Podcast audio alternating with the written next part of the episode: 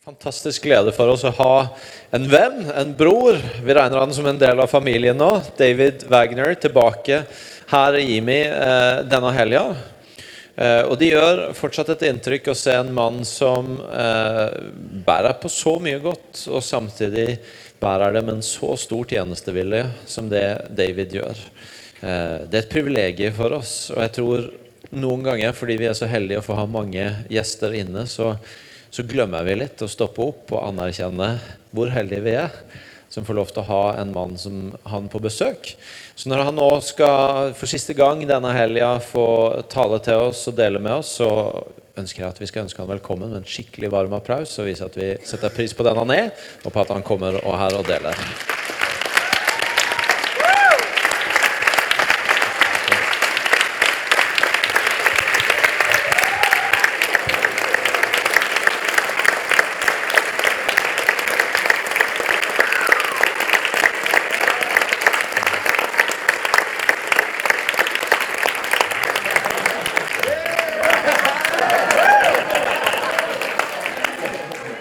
Hallelujah. Well, it's great to be with you again tonight. And uh, thank you for your warm Norwegian welcome. And um, I heard that if Norwegians clap for you like that, they really like you. Because uh, you don't fake it. You don't do the American golf clap like, right? And, uh, but it, it's great to be with you tonight. Uh, I, I love what King David said. He said, I was glad when they said unto me, Let us go into the house of the Lord. There's no place like home, amen? And wherever God is, that's home. And uh, I certainly, my first time here, felt right away at home, but uh, the second time especially, uh, I just felt like part of the family. And uh, one day I'll start speaking Norwegian to you. And, um, you know, it's, it's really amazing and, and humbling for me as an American um, to come to a place where uh, so many of you know English.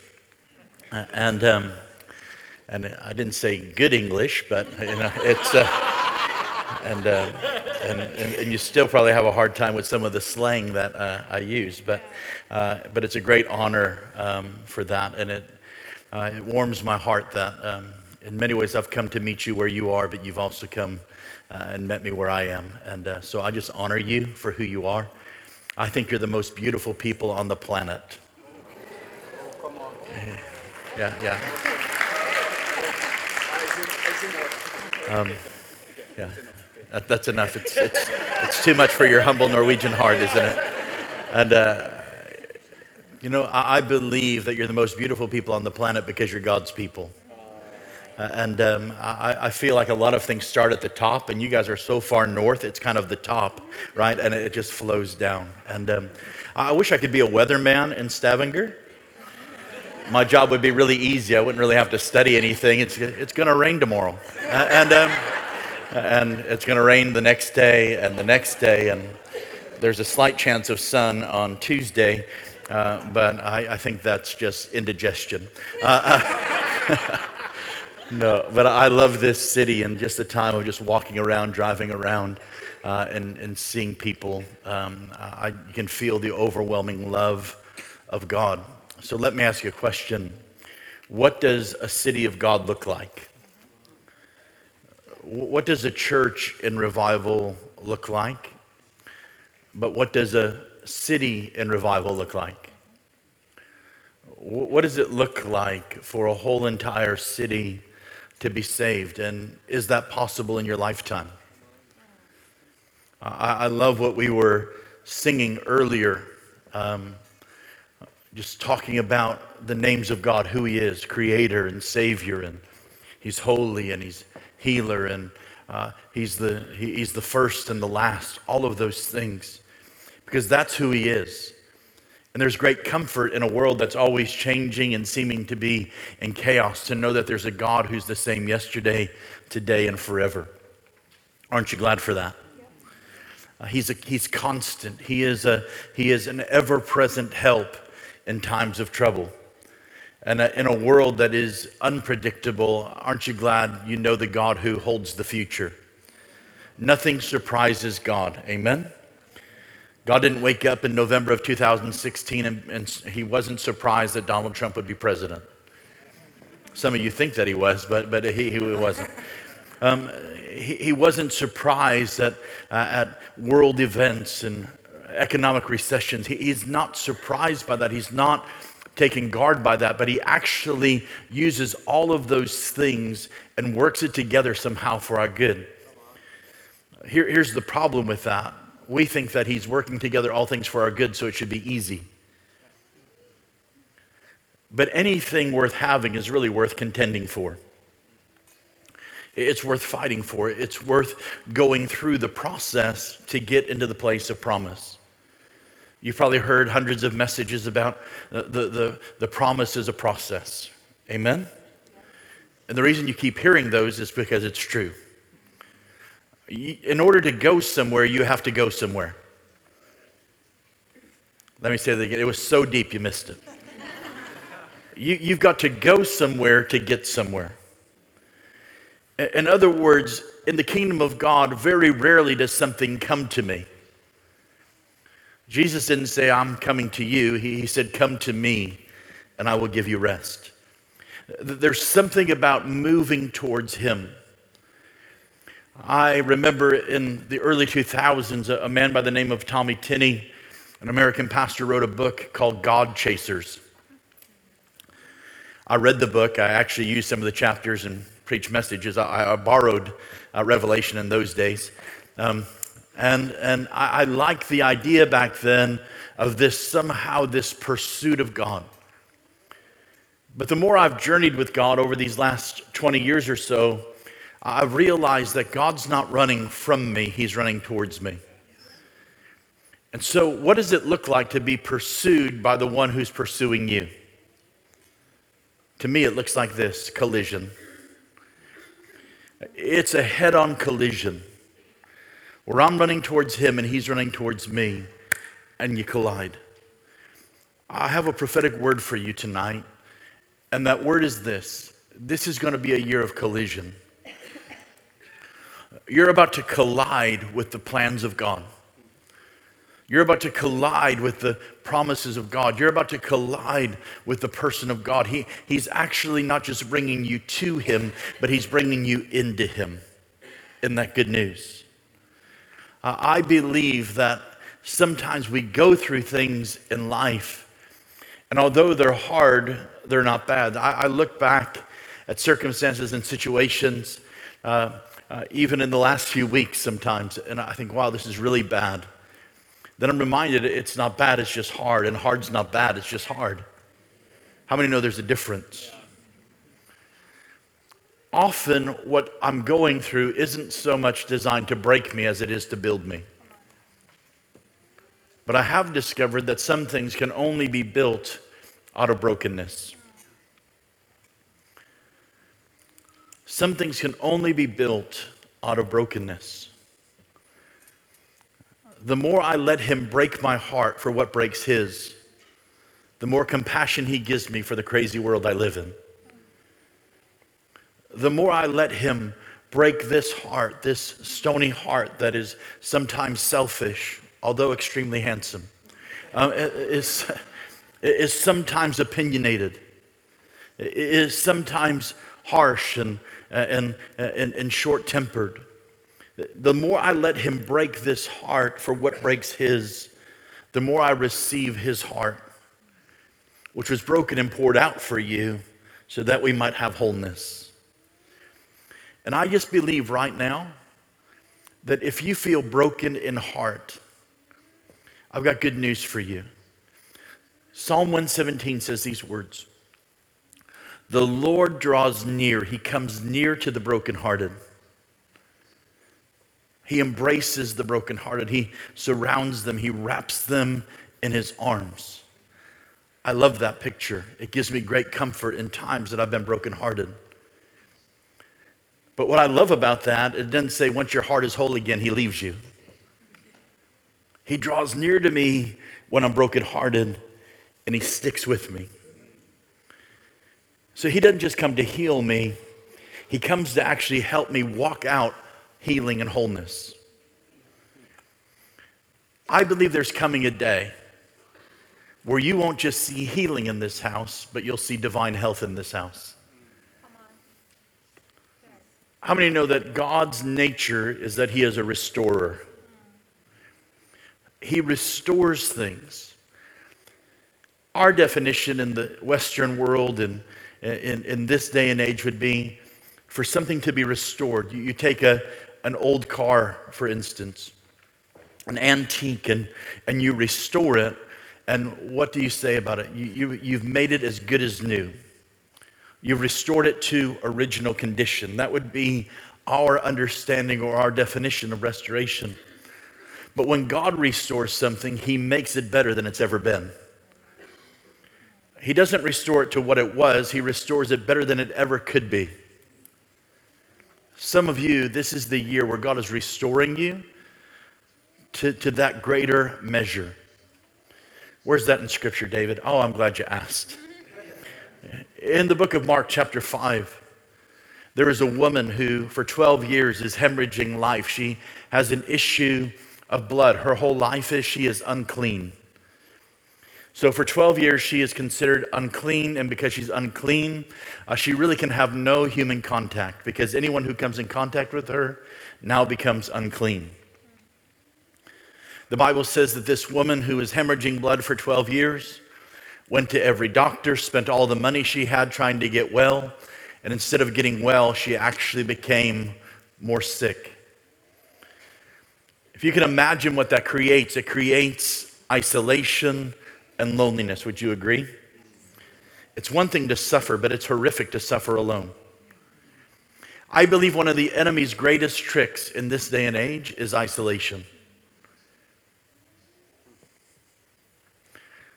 If he can keep you by yourself, if he can get you by yourself so that you feel like I'm the only one and nobody understands me, and if I talk to anybody about what I'm going through, that they're going to judge me, all of those things, what happens is I, I back away like this. And I just believe right now that the enemy is breaking, eh, the enemy is losing his grip.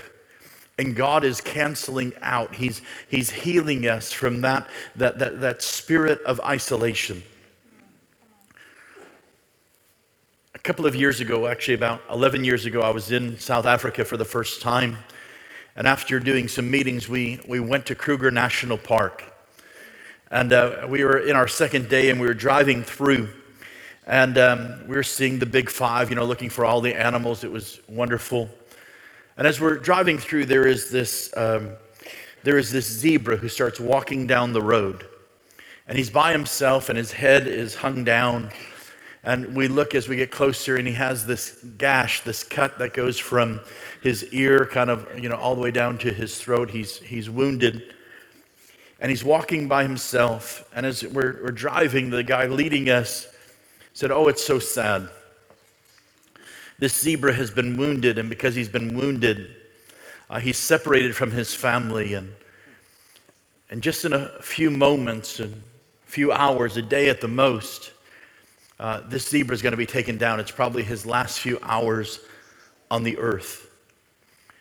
And the man starts crying as he's telling this story, just narrating what we're watching in our own eyes. And, and he goes, Oh my goodness. He starts weeping. He said, It's a picture of the church. We get wounded and we get isolated and we get walk away from the family. And the enemy goes to and fro like a roaring lion looking to see who he can devour.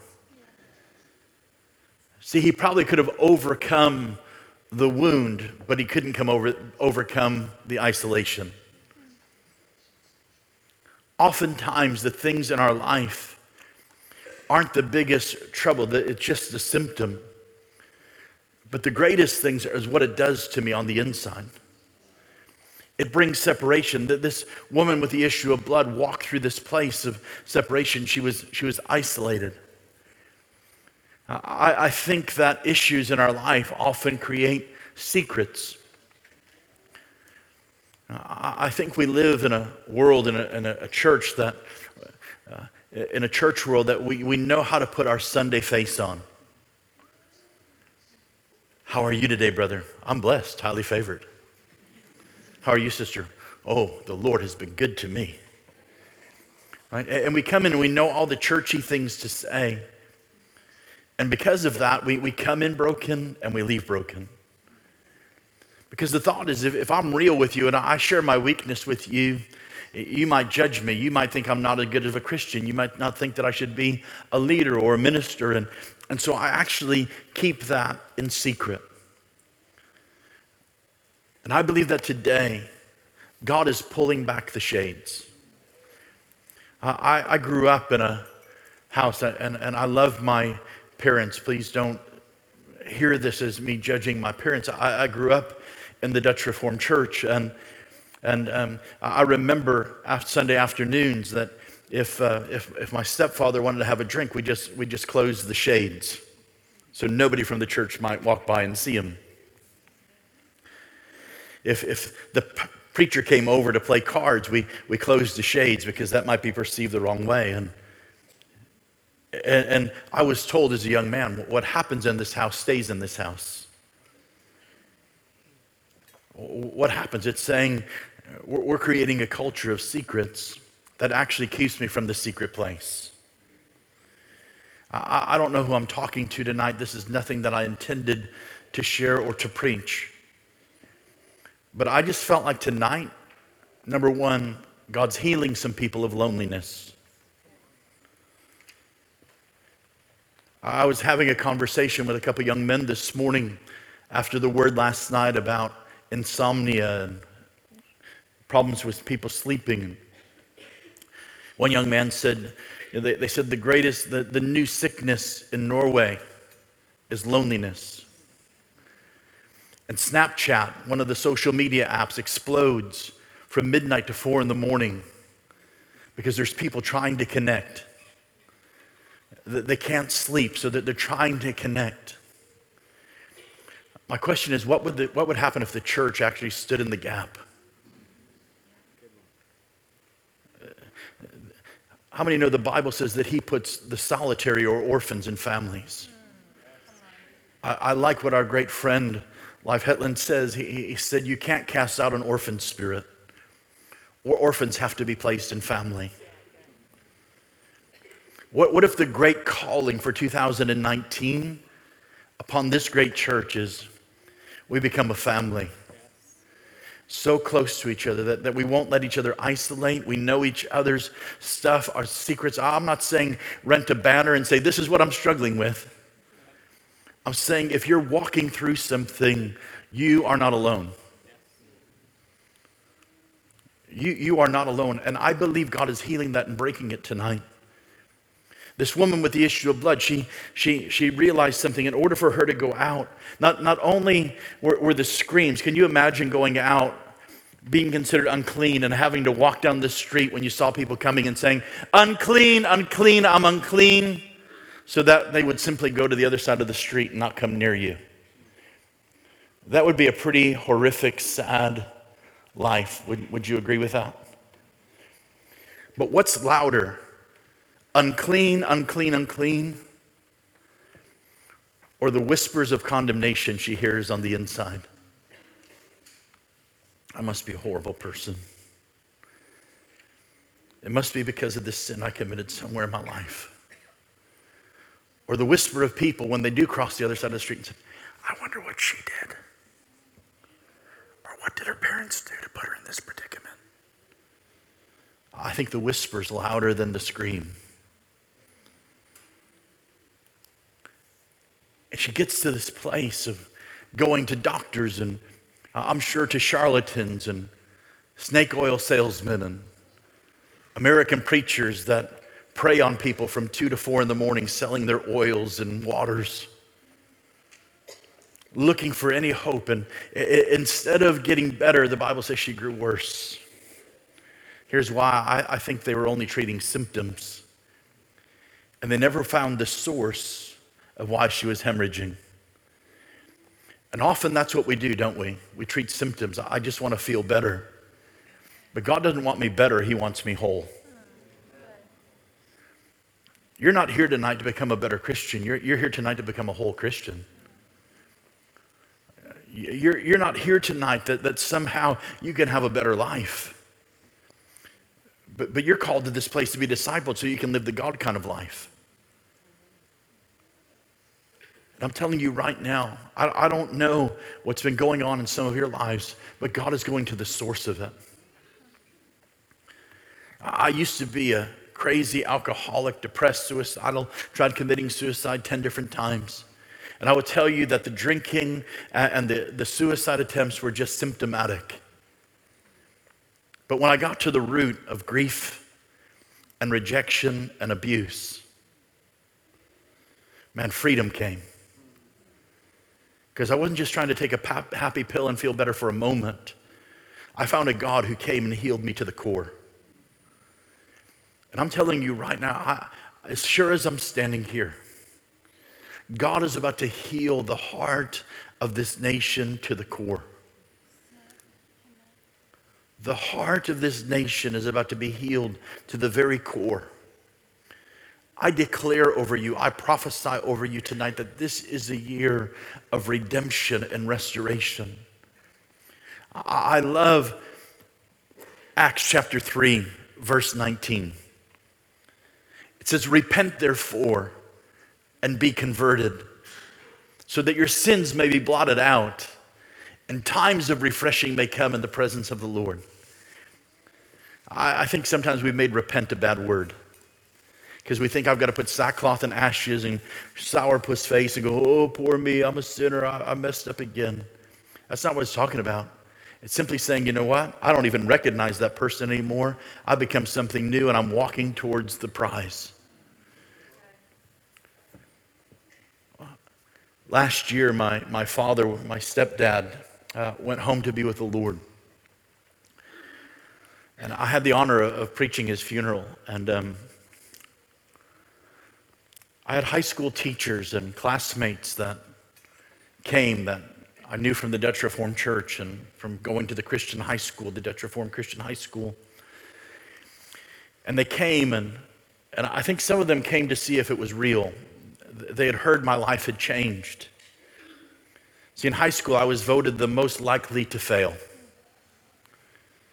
I was voted, it's in, in my yearbook. I should bring it to you sometime, and you could read all the great things about me most likely to fail, most likely to be in prison, or most likely to be dead by 30. Beautiful prophecies, aren't they? Talking about Christian people. And, and I was a bad student. I set records for detentions and suspensions and in school. I, am not denying that. I, I wasn't a very good boy, a very good young man. Most people would have thought I was bad, but the truth is, I wasn't bad, I was just broken. There's a huge difference, my friend. I believe that most people actually are pretty good, they're pretty decent. Oh, there's probably 2% of humanity that's just evil, they're bad. And the rest are just broken. And when I look at you as somebody who's broken instead of somebody who's bad, guess what happens? Mercy kicks in.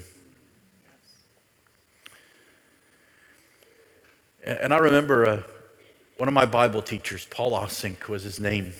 He was the librarian and uh, he was also a Bible teacher. And one day he, he grabbed me by my hair and he dragged me out of class and threw me out. Said, Wagner, you'll never be nothing. And I, I was getting ready to preach my, my stepdad's funeral and he came. And he said, David, I'm so sorry. I just didn't know. Some people came, I'm shocked. And some of my friends came and like, hey, remember when we got in that stolen car? Do you, you remember when we smoked that? You remember when we stole that? You remember when we did that? And I'll be honest, they were showing me pictures, and I was like, I don't really know that guy. I mean, I'm not stupid. I, have a good memory. I remember, but I don't remember.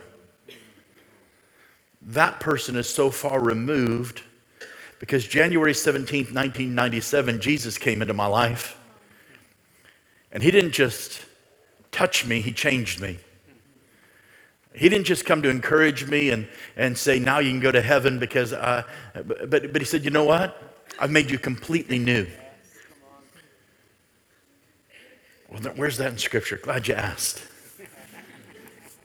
2 Corinthians 5 and 17. If any man be in Christ, he is a new creation, a species of being that has never existed before. I became something brand new. I wasn't just restored as I was, I was restored better than I ever was. Aren't you glad you get to look at it now? right? Admit it, you may not like how I talk, but you have to admit I am easy on your eyes. I'm sorry, ladies, I'm married, happily married. I, I, will pray for your Boaz, but, but this guy here is taken. And Lord, you draw near to the brokenhearted. Just touch them right now.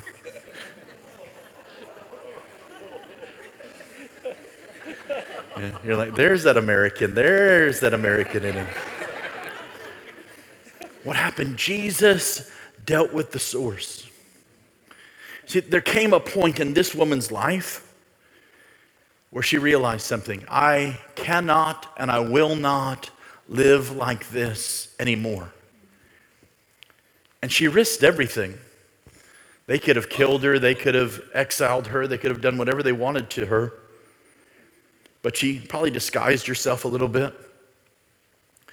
She went walking towards Jesus, running towards Jesus, and when it seemed impossible to get to Jesus,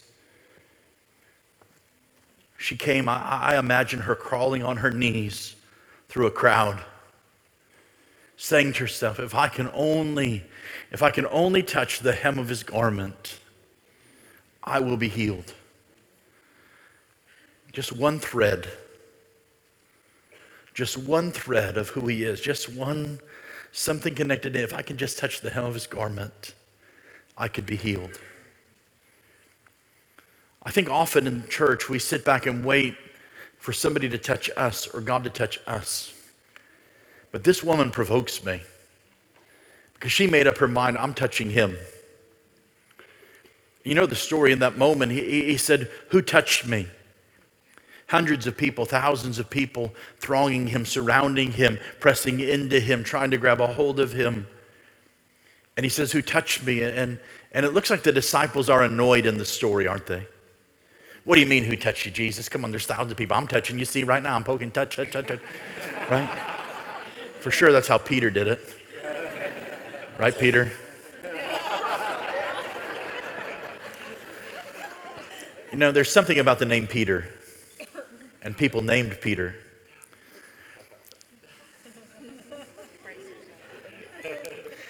You know, Peter's a fisherman, isn't he?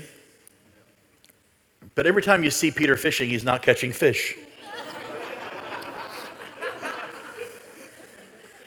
And Jesus has to walk out there and say, Hey, have you caught any fish? Nah. Cast your net on the other side. But I've been out here all night, dude. No, cast your net on the other side. And he, he brings in a catch. It seems like he never knows where he's going. Kind of like last night, Peter picked me up.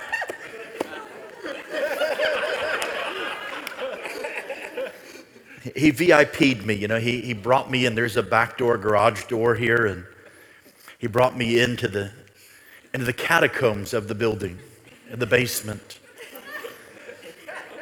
And we went to door number one, and it didn't open. And door number two, and it didn't open. And I just break shame right now off of you. I just, you know, spotlight of heaven. I, feel like this is the year of direction for you.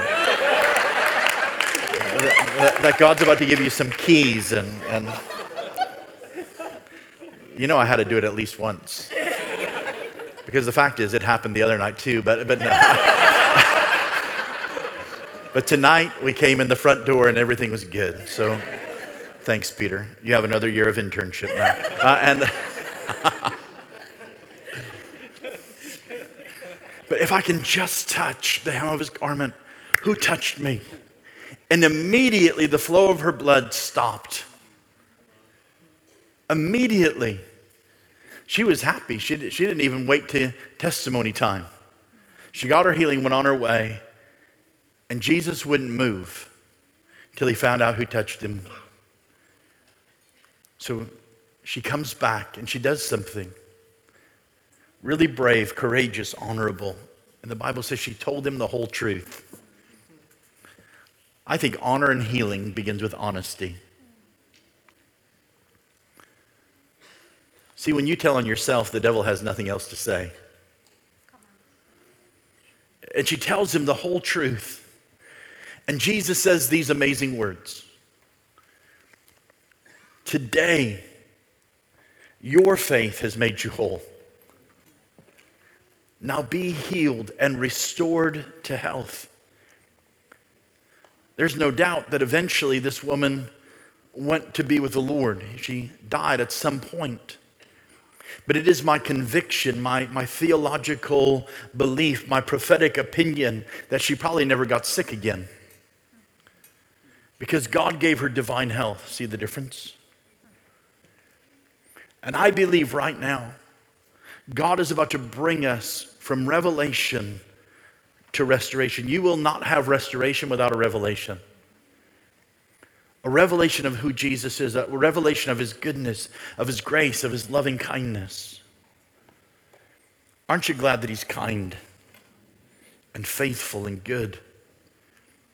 He's mighty, he's righteous, he's holy. Everything we just sang tonight, he is. And he is in us. Some of you, I'm prophesying to you, this is a year of restoration. Do you need that tonight? Let me propose this to you. I want to share with you just an intimate one of the most intimate encounters I've ever had with the Lord. Uh, it did not come at an easy or convenient time. I want to read this scripture to you, and I'll get to that story. Is everybody all right tonight? Good. The book of Mark, chapter 4, uh, verse 35. It says, On that day when the evening had come, Jesus said to them, Let us go across to the other side. I've got a prophetic word for you right now in this moment. This is the season for you to cross over from what was and used to be into what has never been before. It is a season of moving. You, you, there, there is such a movement that God wants to release in your life personally and in the church corporately to, to move you forward. You, you are on the edge of the Jordan. You are on the edge. And not only are you going to see the promise in sight, but you're actually going to cross over into it. Somebody has to go first. Somebody has to put your toes in the water. If I were going to give you instructions about crossing over, it would be simply the instructions of Joshua chapter 3. As they were getting ready to cross over, Joshua told the elders uh, to carry the ark as they were lifting the ark, and he tells the people, Keep your eyes on the ark, or keep your eyes on the presence of God, because you've never been this way before. If I were to give you the most important strategic word for the year, it's keep your eyes on the presence of God. If I keep my eyes on the presence of God, it keeps my eyes off the problems of man. If I stay God conscious, I don't have to worry about being sin conscious. You know I've discovered? The more conscious I am of the presence of God, the less tempted I am. It's really hard for me to cuss and curse while I'm speaking in tongues. It's really hard for me to look at another woman or to, to, to even think about gazing at pornography when I know Jesus is sitting right with me. What is, am, am, I focusing on not doing certain things, or am I actually focusing on the one who, who, who is so worthy, so beautiful, so amazing, so full, that, that, that he is my everything and my all, that none of this other stuff matters anymore? David, are you perfect? Close, but no. That's why I'm married. My wife will tell you the truth. Um, That's why some people say, well, how'd you get so humble? I'm married. Uh, and, and I have five kids that say, tell everything. Um, and so this is a season of crossing over. Some of you right now, you're crossing over from the battlefield into the harvest field. Come on. Some of you right now, you're crossing over from the battlefield into the harvest field. Let us cross over to the other side. And leaving the crowd, Jesus went just to get some time by himself. And leaving the crowd, they took him with them in the boat, just as he was. I think those words are important. I don't think Mark had to write them, but I think he wrote them on purpose. That Jesus got in the boat as he was. I think we have these ideas like, I like God the way I like him. I, I like certain aspects of him. But he's not coming as I want him to be, he's coming as he really is. I would recommend this if you're going to get in a boat, especially if Peter's in the boat, you might want to have Jesus with you. Not this Peter. That would be Peter in the basement. Uh,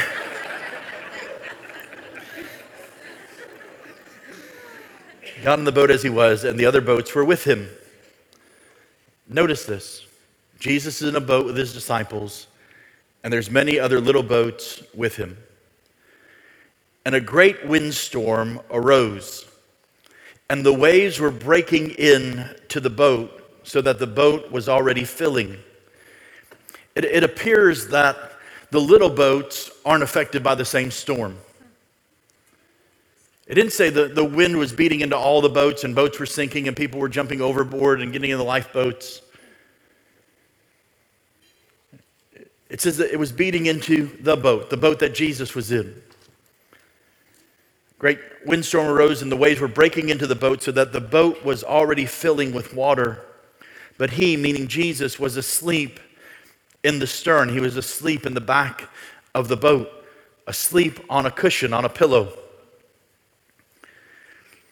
And they woke him up and said to him, Teacher, Rabbi, do you not care that we are perishing? Duh, he's in the same boat. You, you understand that? There's no canopy over him. Water's filling the boat, and Jesus is staying asleep. Is he that exhausted? Or is he realizing, or, or, or is he resting in a whole different realm? That storm is not changing who he is. That storm is not affecting his destiny or stealing his peace or robbing him of his rest. And the disciples kind of have a faith failure. They, they've seen miracles now. They've seen demons cast out. They've seen people healed. They've seen uh, all kinds of amazing things. But they have a faith failure. And the faith failure isn't that, hey, we're anointed and we can speak to this storm and we've got this. Right, right away, they, they go back and they, they question the goodness of God. They, they go into a, a Christian pity party. Storms everywhere raging, boats filling. Their boat is filling. And they go and they wake Jesus up and they say, Don't you care about us anymore? Did you bring us all this way out here to die?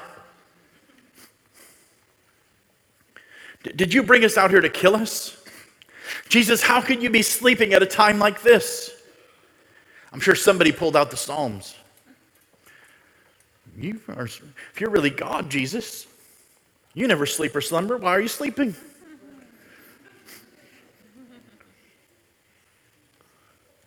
Do you not care that we are perishing? And he awoke and rebuked the wind and said to the sea, Peace, be still. Here's how I read it in Sunday school Jesus and his friends are in the boat. Storm comes out of nowhere rain filling the boat, it's sinking. They wake Jesus up. Jesus goes, Peace, be still. The wind stopped, the waves stop, sun comes out, except in Stavanger. Uh, and too much. Huh? the sun will come out tomorrow. Uh, and another gift you didn't know I had. You're still wondering if I had it. Uh, and, and we view like he gets up right away and goes right away. He's super Jesus, steps into peace, be still. But I think it's more like this.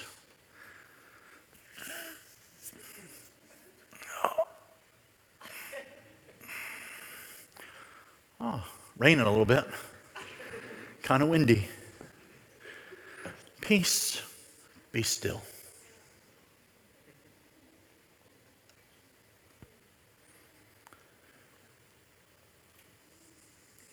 Peace is your power in this season.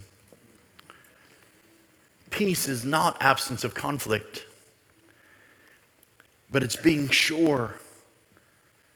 It is being sure of destiny and the goodness and the kindness of God. I, I like what one of my favorite half Norwegians, Bill Johnson, says. Sometimes, in order to have the peace that passes all understanding, you've got to give up your right to understand. Peace be still. He, he spoke to the wind, and the wave stopped. Here's why the wave was just a symptom. You know what most political people do? They always speak to the symptom. You know what religious people do? Speak to the symptom. But you know what the righteous do? You know what do true children of God who walk in governmental authority of the kingdom do? We speak right to the source. Peace, be still. What did he do? He shifted the atmosphere. So, so, then he asked these disciples this question. He said to them, Why are you so afraid? Why are you so afraid? Have you still have no faith? And the Bible says, and they were filled with great fear and said to one another, Who then is this that even the wind and the waves obey him? Aren't you glad that the wind and the waves still obey him? So let me ask you a couple questions. Was this a demonic storm sent to destroy him? How many people would say this is a demonic storm sent to destroy Jesus and the disciples? You don't want to answer.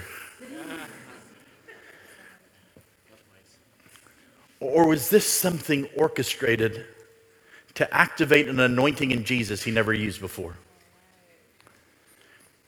Is it possible that the storm of your life, the thing that you're walking through, isn't so much designed to destroy you as it is designed to activate something in you you've never used before. It's a different perspective, isn't it? I'm simply saying to you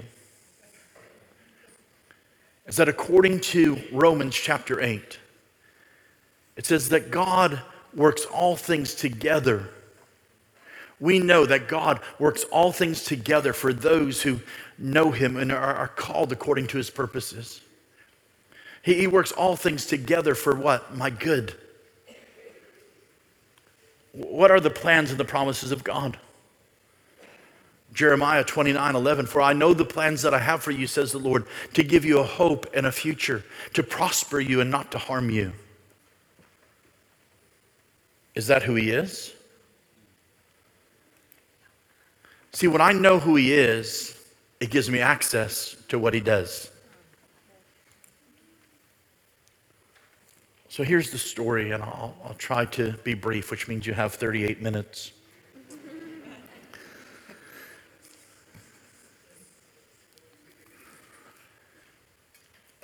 In March, March 2nd, 2010, uh, I was in Uganda. I had been on a, on a trip, missions trip, out to a village named Pallisa where we have a children's home and a school and churches for about 900 uh, young people.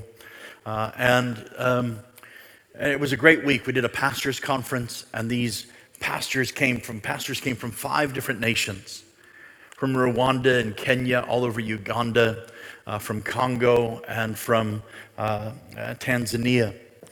And, and many of them walked. They, they walked for days. They sometimes hitched a ride. They got in a bus. They, they, they traveled many days.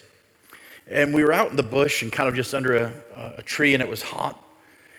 And um, we were doing this conference, and, and, we would speak for an hour or two and try to give them a tea or a coffee break. Uh, and they would say, No, no, no, just, just keep going. And we'd go about three, four hours and we'd try to give them a break and they'd say, no, no, keep going.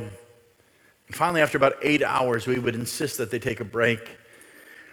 And they would want to come right back. And, and then we would do a night meeting. And then about 10, we think it was over, go to bed. And all of a sudden, around midnight, you would hear this eruption of prayer.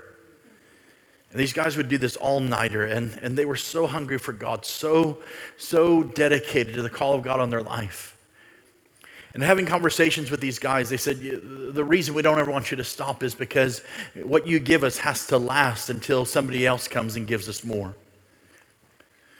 These are men who can't read for the most part, and, and so they memorize other people's sermons, they, they memorize the scriptures that they hear. And, and they take those and, and they develop, and they, they're amazing, amazing things. It's just them and the Holy Spirit, them and Jesus into the darkness. And something with that just moves me. That kind of hunger, that, that kind uh, of dedication, it moves me. Look at me. Ah, you don't see me skipping many meals. I mean, if you told me there were sandwiches right now, I would, I would give you the benediction and we would go eat sandwiches. Not really, but yes, well, kind of. Uh, um, there's, no food out there. Okay, we're all fasting tonight.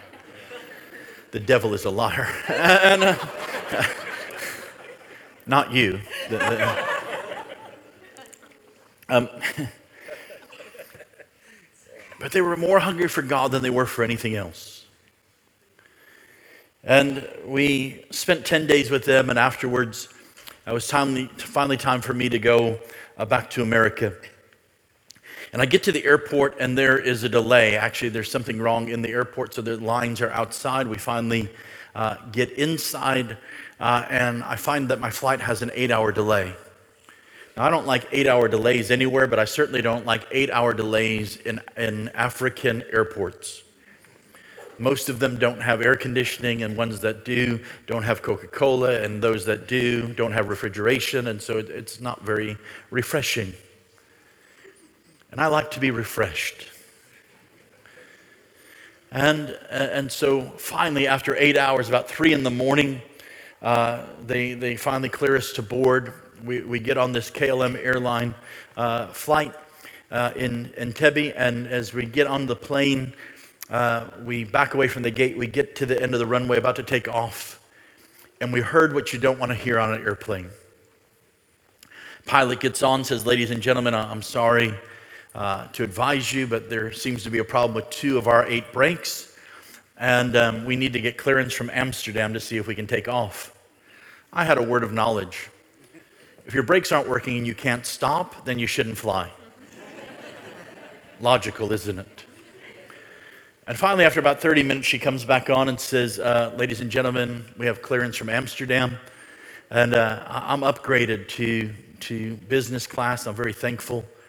There's a lady named Ingrid from Denmark sitting next to me. She's 80. She, she went to Africa to go on a safari for her 80th birthday. She, she's a lovely lady. She's uh, amazing. The, and we're having a little chit chat, and, and we, we take off. And as soon as we take off, there's a ba boom, bang, bing, ba, pew, pew, pew. but larger than that.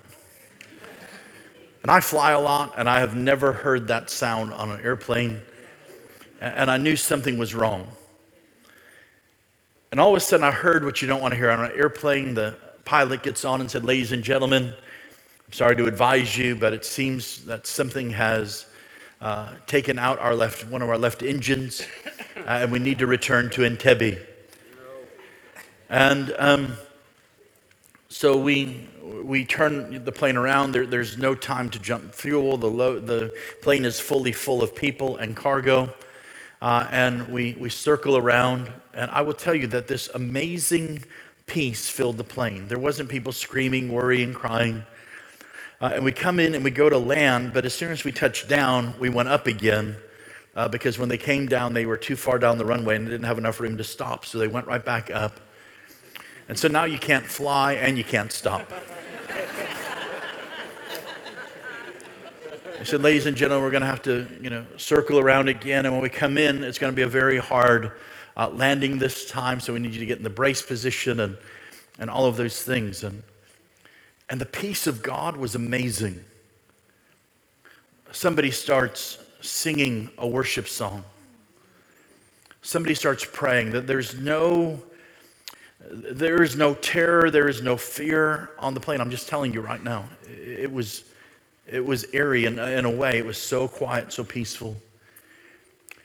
And somebody starts singing, Tis so sweet to trust in Jesus, just to take him at his word, just to stand upon his promise, just to know, this saith the Lord, Jesus, Jesus, how I trust you how I've proven you over and over. Jesus, Jesus, precious Jesus, oh, for grace to trust you more. And I'm thinking, not too much more grace to trust you more, because this is pretty intense. No, I'm just kidding.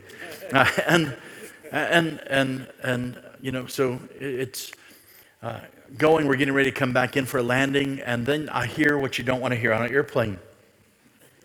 Ding, ding, ding, and the flight attendant in front of me picks up the phone and as she talks to the pilot and hangs up, she bursts into tears. She starts crying.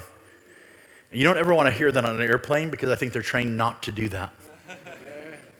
And so it stirred something up in me, and, and I started doing something that I never did before. I, I said, Angels of God, come right now and lift this plane, hold it together, lift those wings right now. Lord, I speak right now to the braking system and to the wheels to come down gently. Lord, I speak right now that the angels would, would, would, would guide this plane. And I, I started speaking to the storm I was in.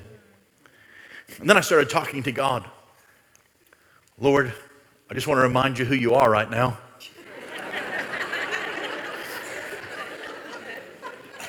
You are good. You are faithful. You are mighty. You, you, created this world and hold it together in the palm of your hands. You can certainly cause this plane to land. And uh, Lord, I, I, think you have a really good memory, but, but just in case, let me remind you of the, the promises of God in my life.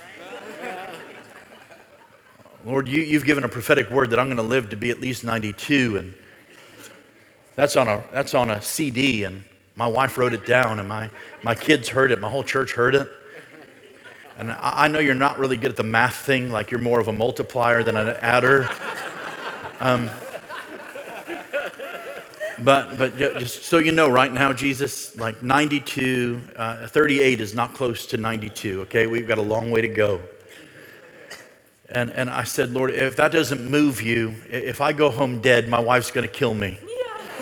So, so, so Jesus, for, for your sake and mine, just, just right now, I speak to this plane. I speak to my storm. And, and, and we came in and we, we, we crash landed. We came in, we blew out all the tires and came to a skidding stop about uh, 30, uh, about, uh, about 10 feet, whatever that is in meters, maybe three meters or something, before we would have gone through the barricades into Lake Victoria.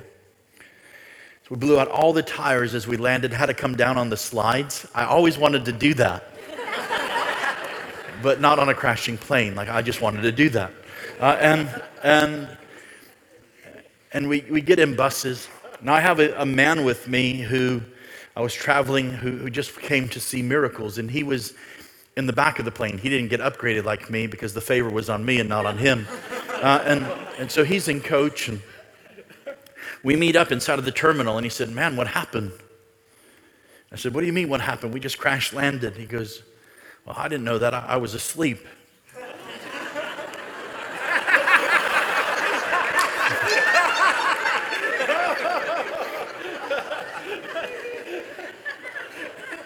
And I said, You're either like those disciples who couldn't tarry with Jesus for an hour, or you're like Jesus asleep in the boat. He said, I'm like Jesus.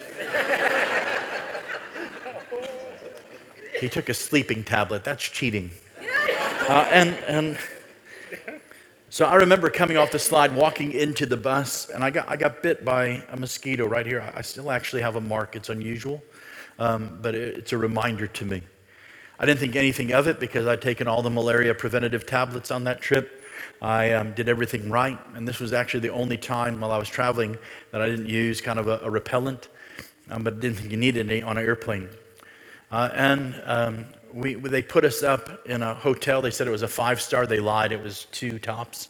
Um, and, and we're there. And we start listening to people's stories. We're now 200 people stuck in a hotel, eating together, hearing each other's stories. And there's a man on that plane from my mother's church in Chicago on a missions trip.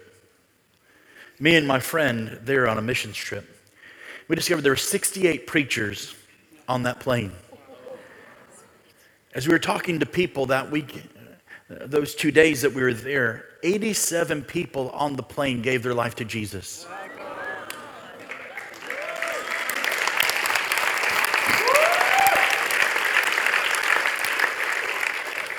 So it's given me this theory.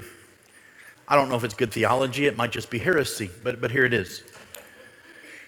I believe Jesus loves the lost so much, he's willing to actually kill all the preachers to get to them. Uh, just, just, my theory. Uh, didn't say it was true, just, just my theory. And so all these people get saved. Now, listen, I never want to be on a crashing plane before uh, again, but to see that many people come to Jesus in a moment, it's kind of worth it. You know what? I never talked to a crashing plane before. What happened was we hit a crane, the national bird of Uganda. It took out the left engine. You know, it's not a little Tweety bird, it's, it's actually kind of a pretty big bird. Uh, and it took out that big bird. Uh, and, and, and, and, and, but I never was in that position to speak to a, to, a, to a plane like that before. It activated an anointing me I never even knew I had. Two days later, I finally get out of Africa uh, and, and I get back to my home and everything's fine. But about six days later, I start itching. I break out in a rash, and I, think my wife just t- changed the laundry detergent. Um, the next day, we're at a store and we're loading the groceries, and um, I just get hit with this horrible headache. I start shaking. I become nauseous, and I'm, I'm breaking out in fever. I'm sweating. Uh, and it's so bad that I actually have my wife drive.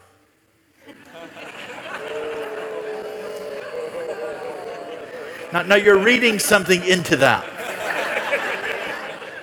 You're responding to what I really meant, but, but, but it's.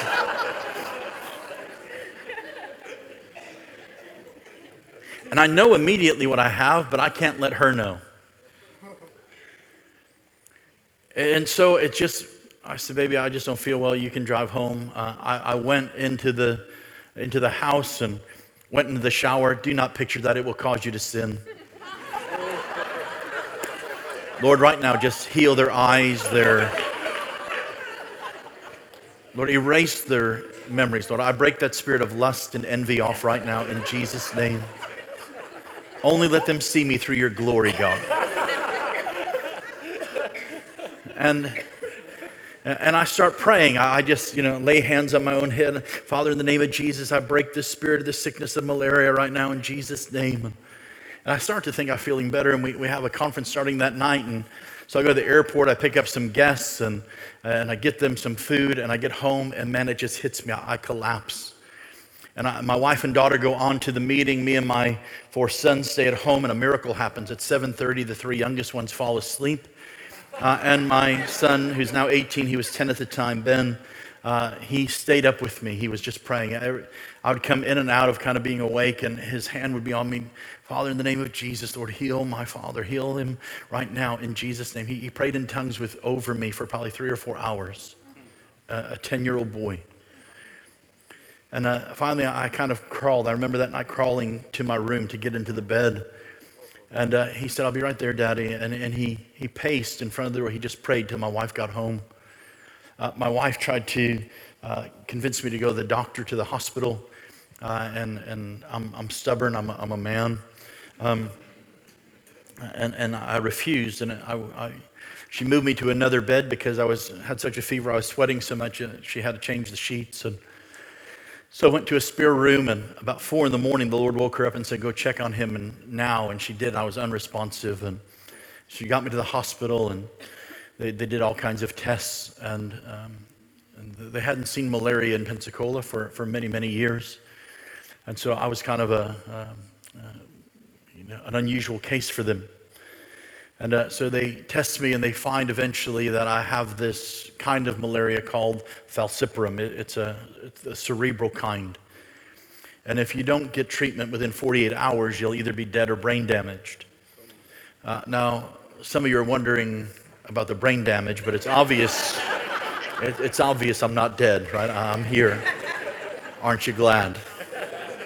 It is such an honor for you to have me here. Uh, and, uh, and there's that American. And, and so they bring me in the hospital and, and, and they realize that we're, we're probably too late on this.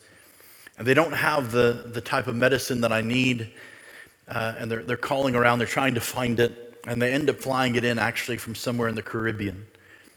They, they get it to me, but I can't ingest it, I can't keep it, it, it down. And my wife, um, she's super brilliant, she's smart, she um, she doesn't know the answer to something. She's like a walking Google. She'll just study it out. And she, she actually was telling the doctor, this is what you need to do. And she wasn't getting any response. The doctor had gone home and the nurses weren't responding. And she asked them to call the doctor. They didn't. And, and so she just prayed. She said, Lord, I need to get to the doctor. And so the Lord gave her the phone number of the doctor, the cell phone. Just She's just praying. And the Lord gave her the, the 10 digit code to call him. And uh, she said, Look, my, my husband is dying, and if you don't do this, this, and this, he's probably not going to make it. And, and so they, they, they, uh, they worked together. They kind of figured some things out. Uh, and and some, uh, my, my sister was visiting, my, uh, and the doctors told my wife, You need to get his affairs in order. He's probably not going to make it. And uh, she was taking care of some of the things with the kids, and my sister was sitting with me. And all of a sudden, a cold darkness came into the room. And uh, my sister recalls the, the, the blinds on the window shaking and this cold darkness filling the room. And she heard externally what I was hearing internally. And this is what I heard Come on home, you're, you're done, you're finished. And my spirit left my body. I was, I was, the bells and whistles were going off in the, in the hospital. My spirit left my body. And all of a sudden, the voice of the Lord came like a roar. Like, like when we were singing that song, about living hope tonight and how the grave has lost its grip on me and how the lion comes and, and roars. I lived that moment. And the voice of the Lord came like a roar, and he said, No, you will live and not die. You'll prophesy, declare the word and the works of the Lord.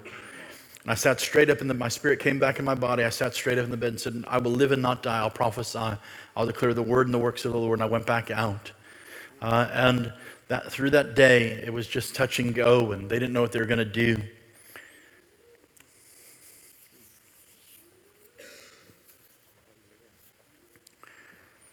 About seven o'clock at night, my, my wife needed to again go and do some things, and one of my best friends came, and he's the sound man at our church.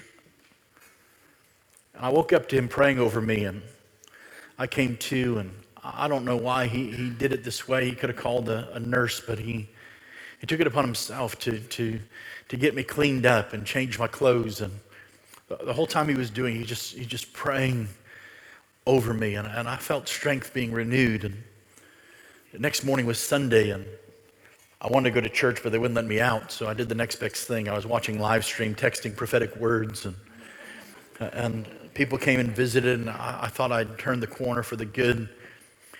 And that night, uh, everything went south again. Everything just went bad again.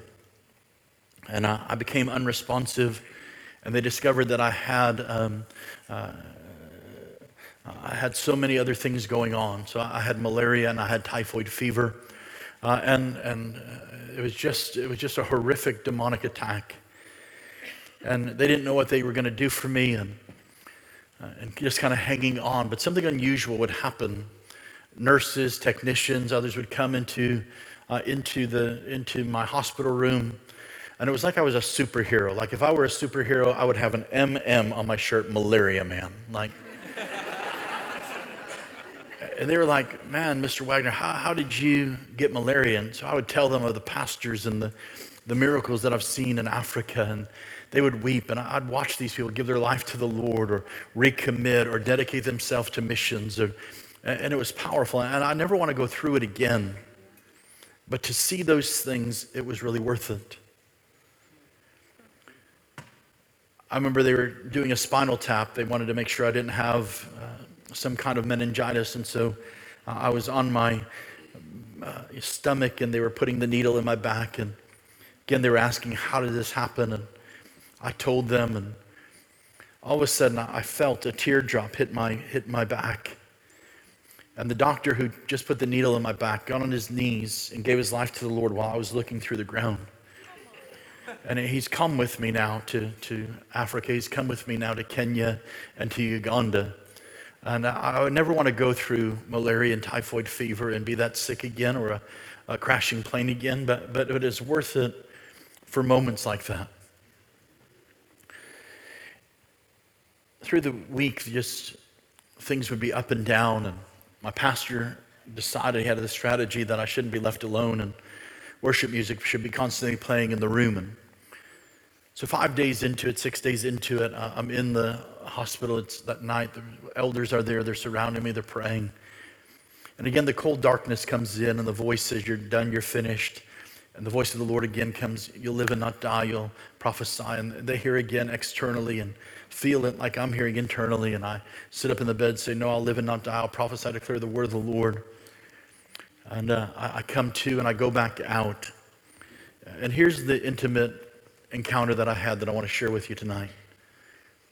I will tell you that this is only the 30th or 31st time that I've shared it uh, in, in eight years because I'm, i only do it when the Lord tells me to do it or uh, tells me I can do it. And so this is, this is very um, intimate for me, and I feel to share it with you. So, in the midst of, of, kind of being out of it, the, the Lord comes to me uh, with two angels. And I, I don't know if it was real or in a dream or in a vision, but to me it was real. Do, do you understand that? Uh, and, and, to me, it was my reality. And so Jesus and two angels come with me. And one angel hands me a set of keys and said, These are the keys to nations. And the day that Jesus talked about that you would see nations won and discipled in a day, you're going to see that in the next nine years. Very specific. You're going to begin to see that in the next nine years. Another angel handed me a set of keys and said, These are the keys of generations. He's the God of Abraham, Isaac, and Jacob. And there's a multi generational move of the Spirit that will not be exclusive, but will be very inclusive, from old to young and young to old. And it won't just be contained in the church, but it will move into houses and households and families. And then Jesus himself handed me a set of keys and he said, These are the keys that unlock supernatural resources for the end time harvest. Whatever you do, don't let anybody pluck the keys from your hand. Immediately, that encounter ended. I'm in again another fight for my life. Cold darkness comes in. Everybody thinks I'm dying. And for 30 minutes, people in the room are watching this. They're, they're trying to inject me to kind of uh, sedate me and calm me down. But the elders would testify of this that for 30 minutes they watched me and looked like in, um, in what looked to be like a wrestling match. And I will tell you that internally, what was happening was this three demonic spirits came against me. There, there was a Jezebel spirit. Uh, and, and, Jezebel was trying to, to manipulate and control and, and steal the keys. There was like a Delilah, a seducing spirit, trying to seduce the, the keys, very kind of sexual in nature. And then there was this weird demonic spirit that I never saw before. Um, and, and unusual in this, it was like a, a hoarding spirit. It was actually pushing the other demons away because it wanted everything for itself. And, trying to take the keys. And, and, so they're watching, the elders are watching me wrestle and be restless, and they're, they're trying to sedate me, but it's something spiritual happening. And all of a sudden, after like 30 minutes, this faith rises up in me, and I sit up in the bed and I say, In the name of Jesus, get the hell out of my room. Now, I didn't mean it as a, cuss word. I was speaking from the kingdom of heaven to the kingdom of darkness. Uh, and, and all of a sudden, that attack ended. I started feeling better that, that day. Uh, and, and all of a sudden, I, I went to, to sleep, and, and Jesus came back to me. Again, dream, vision. Uh, it felt like my reality. And he took me by the hand and, and we went flying. I called it my Peter Pan moment. You ever see Peter Pan? It's just kind of like, don't everybody call me a Tinkerbell. You hear me? Uh, uh, uh, Jesus is not a Tinkerbell. I am, I am with the Lord, and we, we're just kind of just floating. And, and it was like the darkest sky, but the brightest sky. To me, it would be like describing the northern lights, but even more beautiful. And me and Jesus, we went flying and we would, we would stop over nations and over masses of humanity. And Jesus, in this encounter, would ask me one simple question over and over again. The question was this How are we going to win them all? I pulled an Ezekiel. Lord, only you know. And this is what he said here's how we're going to win them all by loving them one at a time. By loving them one at a time. It was one of the most beautiful encounters I ever had. He then took me into heaven, and it wasn't the throne room. I think if you go to the throne room, you don't really ever want to come back. But it was the boardroom to me. And I sat at this long table of this boardroom with Jesus. And he sat with me and he began to ask me questions, lovingly but sternly. He asked me, How come you haven't done everything I've told you to do? Why haven't you gone everywhere I've told you to go? Why haven't you built everything I've told you to build? Why haven't you written what I've told you to write? And I said, Lord, I didn't have the people, the time, the money, the team, the this, the that. And he just said, Stop. No more excuses. The reason you haven't done what I've told you to do, built what I've told you to build, go where I told you to go, write what I told you to write, is because you're filled with doubt and unbelief. He said, You believe everything you say, prophesy, speak over nations and people, but when it comes to yourself, you're filled with doubt and unbelief. He said, Doubt and unbelief is not lack of faith, it's just simply believing something other than what I said. And I had a Mark 9 moment Lord, I believe, help my unbelief there was a quick repentance. Can I, I tell you, the Pro, in the book of Proverbs, it says that the Lord chastises those he loves. I used to view that with that, that God spanks you, like he just smite, he just slaps you because he loves you. But I found out it means something completely different. Chastisement means to draw close. I know you probably don't do this in Norway, but um, in, in America, we still kind of give our children love pats on the backside. And, and my youngest son learned something. He learned that if he would run away from, from the love tap, I would have the full extension of my hand. And so, whenever he felt like he was being corrected, he no longer ran away, but he came and he would hug my legs and come really close. So, the only thing I could really do to him is go, eh, eh, eh. It's what God does. We mess up and He draws us close. He pulls us in close. He, he doesn't push me away. He doesn't beat me down. He, he draws me in close. I want you to be very aware of something that Jesus didn't tell me what I was doing wrong. He wasn't focusing on what was wrong with my life and my ministry, he was focusing on what's missing self confidence. Again, I love what our friend Leif says that when you believe in Jesus, you get saved. But when you realize He believes in you, you get transformed. And that was my transforming moment. It was that moment that changed everything, that moment where something shifted. And Jesus began to explain the keys to me. And he said the enemy fears these keys more than anything else because once they're released, especially about resources, there's nothing he can do to stop them.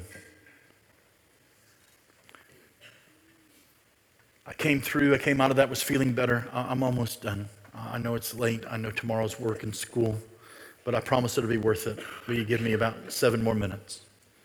I'm taking it anyway. Do you understand? I'm not talking to talk.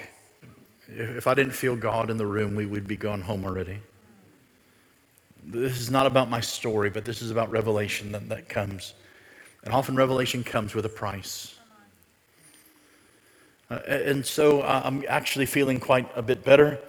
Um, I'm laughing with my wife. They're, they're doing tests and things are coming back better. My wife leaves to go take the kids, uh, get the kids from school, get them some dinner to bring them to see me.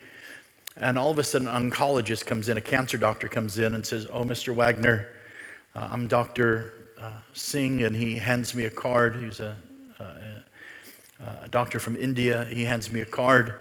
Uh, and I said, Doc, I, I, don't know why you're here. I have malaria, not cancer. And he said, No, Mr. Wagner, I've been uh, looking at your blood, and, and there's, there, you have all kinds of cancer markers. You are, uh, we think you have um, some kind of a rare cancer, and we need to do a bone marrow biopsy tomorrow. We need to drill into your hip uh, and figure out the, the prognosis.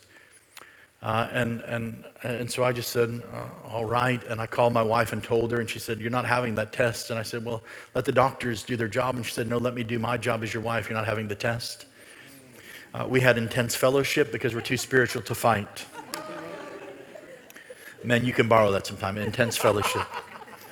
Um, and, and, and so um, she comes, and that night, I will tell you, for the first time in this whole two, two and a half week wild ride, it was the first time that agreement and peace left the room. My kids weren't acting right. Me and my wife had conflict. And all of a sudden, my daughter, who's now 21, at the, at the time she was 13 or 14, she did something. She just said, I need everybody to get out of the room now. I tried to leave, but I was kind of hooked up to stuff. And my wife and the boys, they listened. They walked out. And my daughter, who I told you last night, is not my biological daughter. But I said there'd never be a, a step between me and her. I never call her stepdaughter. Her name is Era Noel. She's beautiful. And if there is a handsome, rich Norwegian man, come see me. Come see me. Anointed, loves Jesus. She, okay. Advertisement is over. I paid for her college. She's debt free. You're good. Okay. So, yeah. so so she comes. She clears the room, and she she she she gets on the bed, sits next to me, and she grabs me by my face. She said, "You look at me, Mister." And I looked at her. She said, "I'm not going to let the enemy put fear in you. I believe everything you taught me." That Jesus still heals today. And I just prophesy to you that God's healing you today, that malaria has to go, that typhoid fever has to go, that every sickness has to go, that you're not going to have any cancer, you're not going to need this test.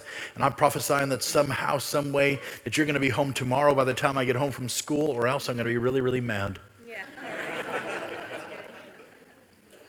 she, she walked in authority. She, she never spoke to malaria before. She, she never spoke to that kind of sickness before. She never spoke to me like that before. But the circumstance and the situation activated an anointing in her she never even knew she had. Family came back in. We said good night. And all of a sudden, uh, the phone rings into the room, not my cell phone, but into the room. And I pick it up. And, and, and I said, hello. And they said, can I talk to David? I said, this is him. And he said, oh, this is Pastor David Ruhlman from Washington, D.C. How are you? And I said, uh, I'm in the hospital. He said, What are you doing in the hospital? I said, How do you not know I'm in the hospital? You called me in my hospital room. And he said, No, I was sitting in my office praying. And The Lord said, Call you on this number now. So we're talking, and I, I start telling him what's going on. He starts laughing. I say, David, I'm dying. You're laughing. What are. And he said, Oh, no, the Lord spoke to me. I'm going to call you tomorrow on your cell phone, and you're going to be in your own bed. He said, Now hit the nurse's call button. There's an emergency. I said, What? And I looked, and my arm was swelling up. And then somehow they made a mistake and gave me penicillin, which I'm allergic to. Uh, and so my theory is that if malaria doesn't kill you, doctors might. Uh, uh, and just kidding. I believe in medicine. I believe in doctors. I'm thankful, and they, they were part of the process. Just a mistake. And, and so I hit the call button. They reverse, you know, they do what they need to do. And the next day, um, the, the, a nurse comes in and she said, uh, Mr. Wagner, um, I need to tell you a couple things. Number one, I don't normally work at this hospital. I'm a traveling nurse. Somebody called, they called me at four this morning, asked me to take the shift. I said no, hung up. My husband said, I don't know who that was, but you need to take that shift. There's a divine appointment for you. She said, So, Mr. Wagner, you need to know I'm your divine appointment. Second thing I need you to know, I need you to know that I'm one of you. I'm a believer. I believe Jesus still heals the sick. And I believe somehow today God has a miracle for you. And by the end of this day, before I end my shift, you're going to be at home in your own bed. And so she was a little bit rascally. She, she didn't know all the procedures at that hospital, so she would turn in paperwork that late, a little bit late. So it kept pushing the, the tests back. And as the test was being pushed back, every time they would test my blood, all the malaria was leveling, the, all of the cancer markers were slowly disappearing. By noon, she came in and she came in dancing and said, Mr. Wagner, I have good news for you. You don't need the test, that your malaria markers are, are, are, are coming down, and we can't find any cancer in your blood right now. Uh, and, and so at two o'clock, the doctor came in and said, Mr. Wagner, I find you extremely interesting. His words, not mine. I've never been called that before, by the way. And he said, um, I'd like to keep you here to study you, but I'm sure you'd be more comfortable in your own bed. So if you just come to my office every day, we'll keep check, checking your blood and, uh, and all of those things. Um, but I, I want to I wanna release you to go home. So we left there, went, home, went to the school, picked up my daughter, went home. I got in my own bed. Six o'clock that night, David Ruhlman, the pastor, called me. We laughed together on the phone.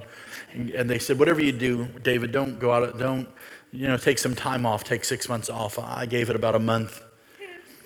Uh, and, and, and, and so here's, here's where I'll end. I went on this trip, and um, as I went on this trip, um, nothing went right on the trip.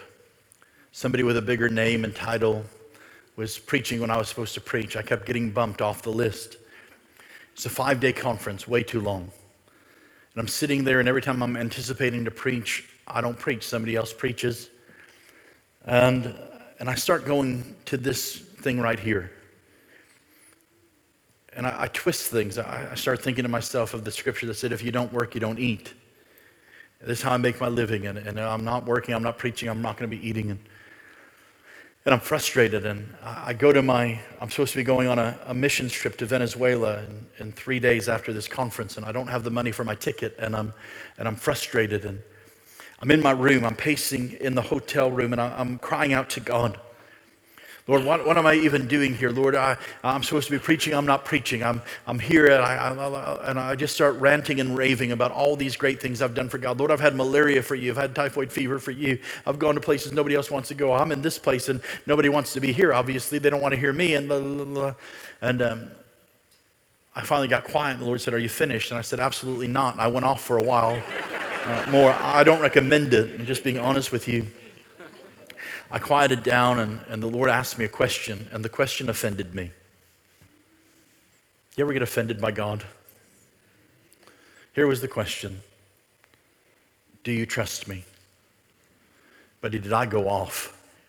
What do you mean, do I trust you? I've had malaria for you, typhoid fever for you, cancer for you. I go to these darkest places that nobody else wants to go. I prophesy. People call me a freak. They, they say all kinds of things about me on the internet. Nobody calls me handsome and humble but me. And, and I just started going off all over.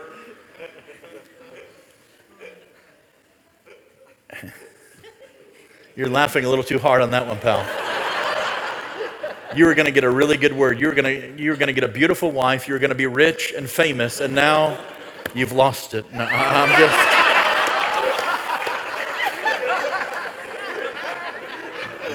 just kidding. That was jet lag, not the Holy Spirit. I, I, I bless you.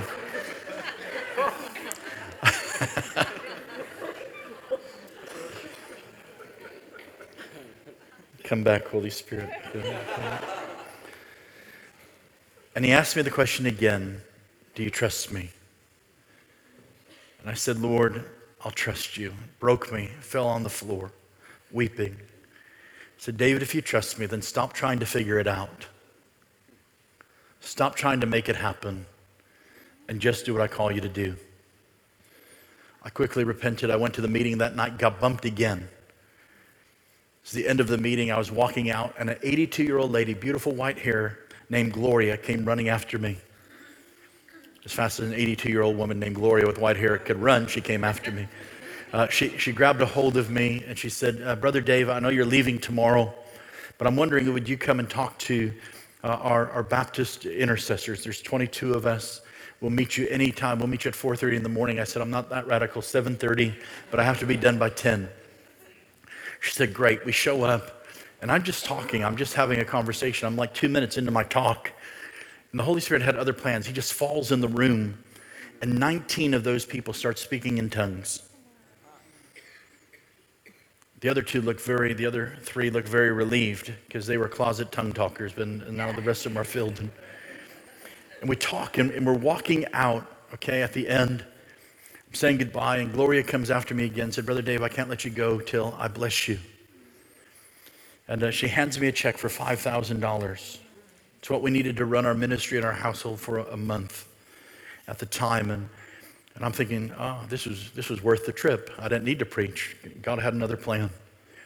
I got on the plane. We had, uh, you know, I was in a very good mood on the plane, by the way.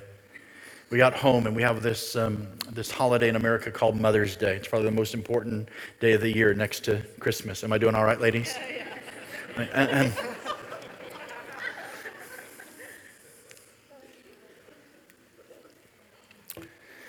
And uh, I take my family out for seafood. And uh, my son Benjamin, he likes to eat raw oysters with me. Y'all like that here, don't you? Come on, I got, I got one come on on the front row. Come on. And, and, and so he puts one in his mouth, you know, with Tabasco and lemon and horseradish, amazing, but puts it in his mouth. And he makes this face like he's going to throw up. But he spits out a pearl that big. Then he makes the face again and spits out the matching pearl, two pearls in the same oyster. The maitre d', the waiter come in, they're all shocked and they're talking. And next thing I know, the news comes. The, the, the afternoon news comes with their cameras. And they're, they're, they're calling it the Mother's Day miracle. And so they, they want to talk to Ben. Ben, what happened? And I'm trying to get in the shot, you know? I'm like,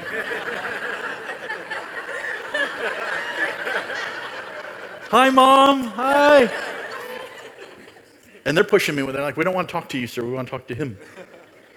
I said, Ben, what happened? He said, oh, he said, I was eating oysters with my dad. And, and he said, um, and Jesus gave my mom pearls for Mother's Day. And he said, my dad is a, a preacher and he travels around the world telling people about Jesus. And, and uh, he just was in a plane crash and had malaria and he almost died. And and this is a sign to our family that there's going to be no lack in our house. And my dad will never have to say no to going to any nation because he doesn't have the money to go. And then he tapped into that inner American preacher. He said, God's given him double for his trouble. Yeah. true, true story. And, and, and so he's preaching the gospel on the news, and they show it that night and the next day three times. And, and we go to the, the church the next day, and I'm getting ready to, I'm getting ready to, to, to leave. And this couple, Gary and Mary Lynn Benitez, come up to me and they have tears in their eyes. And they said, You know, last night we were praying, but in different parts of our house, and we both heard the audible voice of God. And he asked us a question. I said, Really? He said, Yeah. He said, Do you trust me? I thought, I've never heard that before. And he said, Do you trust me? And they're weeping. And they said, The Lord said to give this to you. And they handed me a check for $892.62, the exact amount I needed for a plane ticket to go to Venezuela the next day. And they said, This is our house payment, but we're actually three behind. We're about to go in foreclosure and lose everything. But the Lord said to give this to you. And we wept and we prayed. I, I signed the check over. My pastor put my trip on his credit card. I, I flew to Venezuela. I preached the first night. Uh, I get home to the, ho- the house I'm staying at, I, I open my email and there's an email from Gary and Mary Lynn that simply said this Brother David, you, you'll never believe this, but today we received a letter from a lawyer who said he's been looking for us for 10 years. Gary had a grandfather he never met and never knew he had, who, who died 10 years ago and left us everything. It's enough to pay off our house, our cars, to take care of our kids' education, and to transition us to help us start a school of arts for, for the church. Now, listen, it's not about money. Are you hearing me? And I'm not taking an offering. it, it, it is about trust. It is about trust. It is about trust. This is the year to trust Him more. I heard, I was listening with great in, uh, uh, interest and excitement hearing about the church plant in Oslo, the other one we heard about last night, hearing about all of the missions things in, in South, uh, in, in, in Asia, in Southeast Asia, in Cambodia, and all the doors opening up. And, and I say, come to America. We need the Norwegian church to, to, to send missionaries to America. I welcome you. I, I welcome what you carry. But this is a year to trust. I believe in being smart and being wise. I, I, I am European in my roots. I, I, am Dutch, so uh, I, believe me, I know how to squeeze money together. Are you hearing me? But I also know how to trust God. I also know when to release what He tells me to release and to go where He tells me to go. And I'm here to tell you right now, and, and maybe I'll get, I'll get yelled at about this. But I know when I hear God. I feel like those of you with calls of God on your life, when it comes to missions, when it comes to expanding the kingdom of God, when it comes to building his church in Norway and around the world, we need to proceed as if money is not an issue.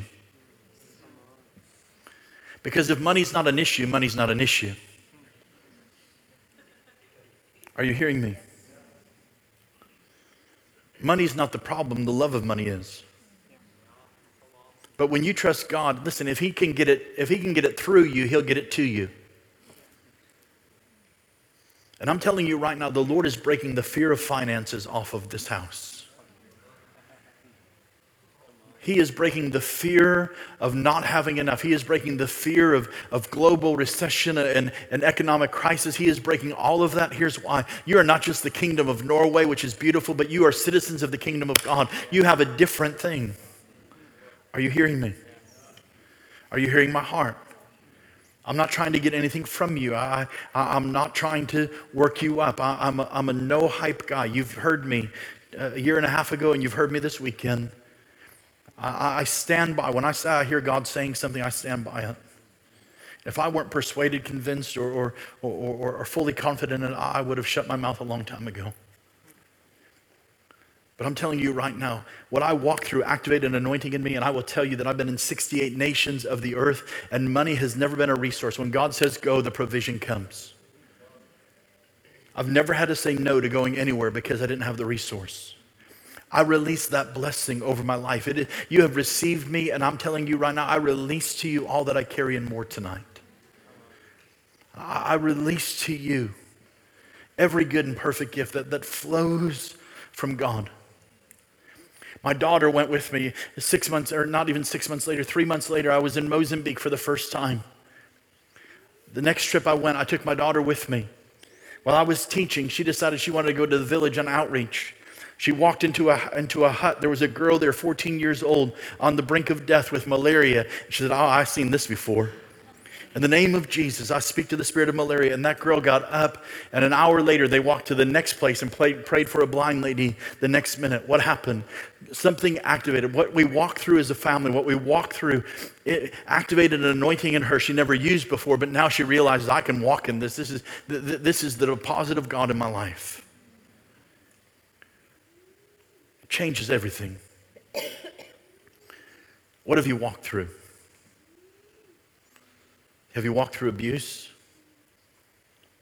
Could it be that God will turn that thing around and give you compassion for those who are abused so that, that you could see abuse end in children and, and women and families and uh, all across Norway? Could, could, could that be the remedy for it? Have you walked through abstract poverty and, and God delivered you from that and now you could be a releaser of kingdom finance? Have you walked through sickness in your body, but God healed you up? Were you unable to sleep and God healed your sleep? And now you're releasing that miracle into other people every time you talk about it and testify about it. Could it be that what you've walked through in your life has activated an anointing in you you haven't used before? But if you'll use it, I'm telling you right now, God will begin to pour out His Spirit. He'll begin to move, and you'll begin to see God flex His muscles. Here's where I will. Here's where I will end tonight. These two last statements, and I'm done. I promise. Like I've heard that before here's what I'm about. You're about to see acts of his almightiness in 2019. Acts of almightiness are about to flow through this place in 2019. convinced of it, persuaded. Healing rooms, Sunday mornings, children's church, in the streets, in the university, on your job, in, in the act of school, uh, you, just wherever you go, acts of almightiness are going to follow you. If you don't want it, I'll just take it. Secondly, here's what I'm going to release tonight. The Lord just told me release the keys. I wish I had physical keys to put in your hands to mark the moment, but you just have to re- re- receive them in the Spirit. Number one, I, re- I release to you the keys for nations. If you've got a call to missions or nations or nations are burning in your heart, I want you to stand to your feet.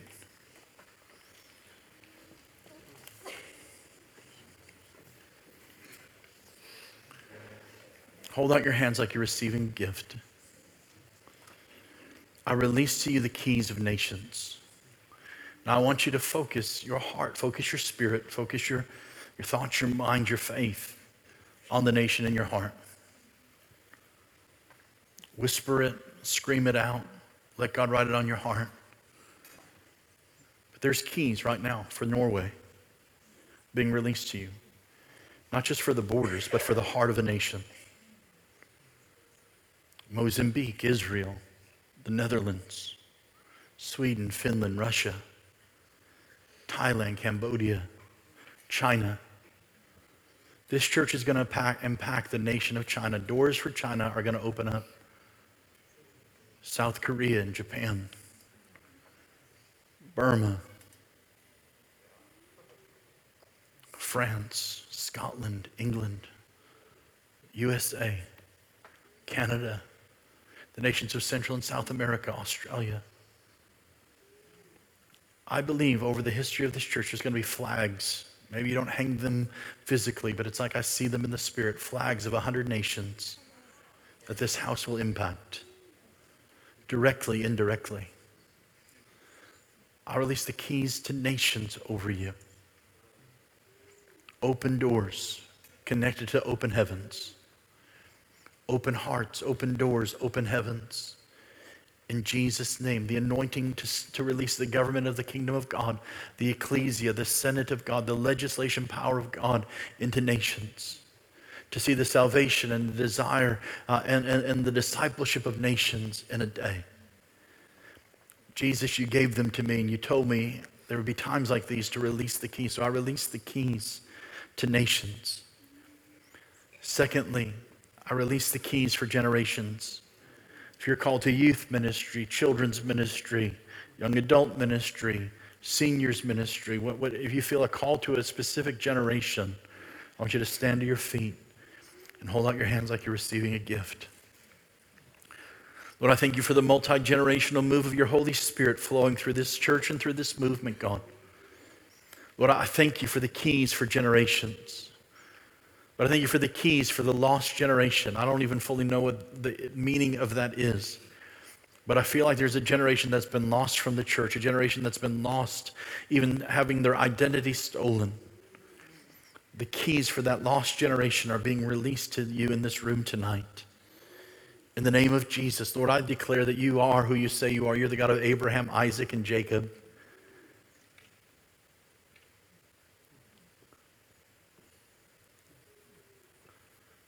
Let me make it practical, plain, and real in the room. Lord, you're the God of Martin, Nigel Elling, and his son, Elijah, Lord. You're the God, Lord, you see a multi generational move of the Spirit. Lord, you're the God of Wayne and then David and Benjamin, Caleb, Joshua, and Isaac, Lord. You are our God, you're the God of generations. Lord, I thank you for a move of God, Lord, in my mother's generation. Lord, she's beautiful. She's 82. She prayed me out of hell, Lord. I've watched her in the last two years be filled with the Holy Spirit. Lord, I bless that generation that paid a price that I'll never have to pay, God. Lord, I, I bless and release the generational anointing and blessing those keys for generations in the room today. Thirdly, finally, some of you are like, finally. If you're here today And if I were to ask you a question, what is stopping you from fulfilling your destiny?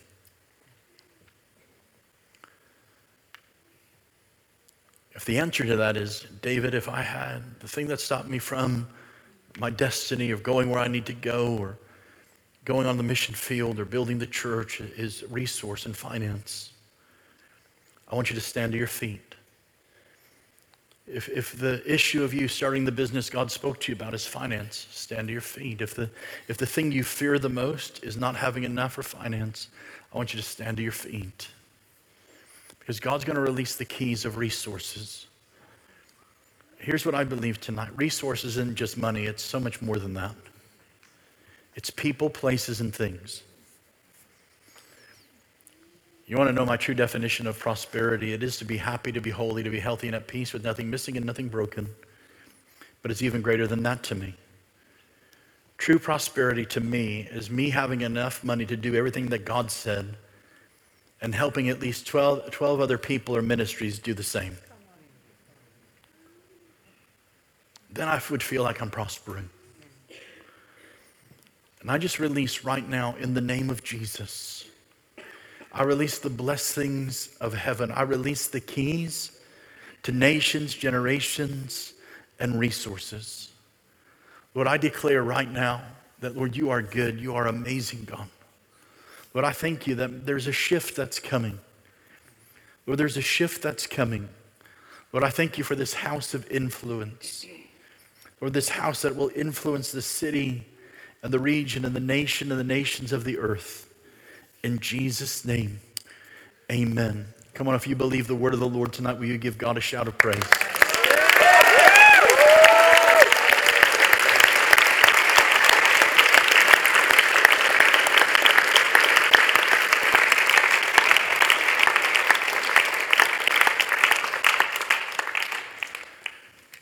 Listen, I believe it's not just been a two hour message. Okay, one hour and 53 minutes. It's not just been a story or a testimony, it's been a prophecy. I'm living proof what the enemy meant for evil, God turned and worked for good. I'm living proof that I know this. I know Romans 8, that He will work all things together for my good because He loves me and I'm called according to His purposes.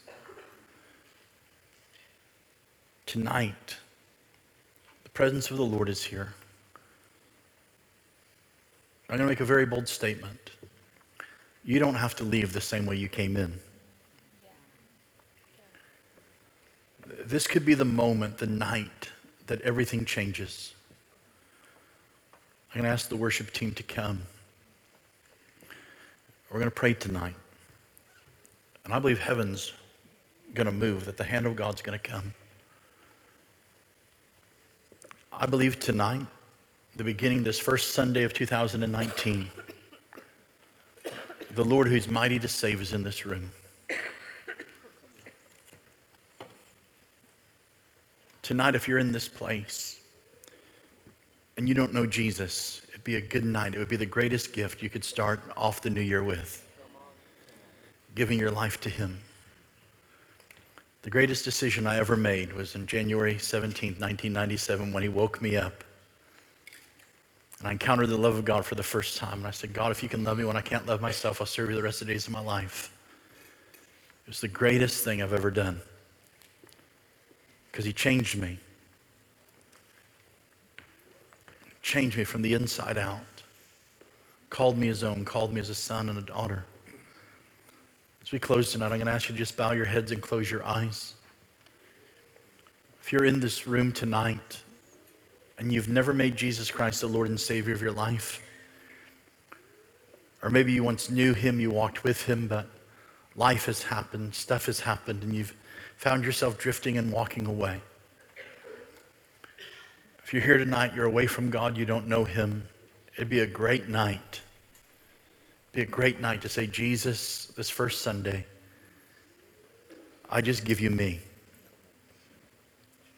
I might be a mess right now. I, I might have all kinds of issues right now, but I give you me. You may be a good person, you may be a, a great person, but the Bible says all of us have sinned and fallen short of the glory of God. That's bad news because honestly, we all deserve to die and go to hell.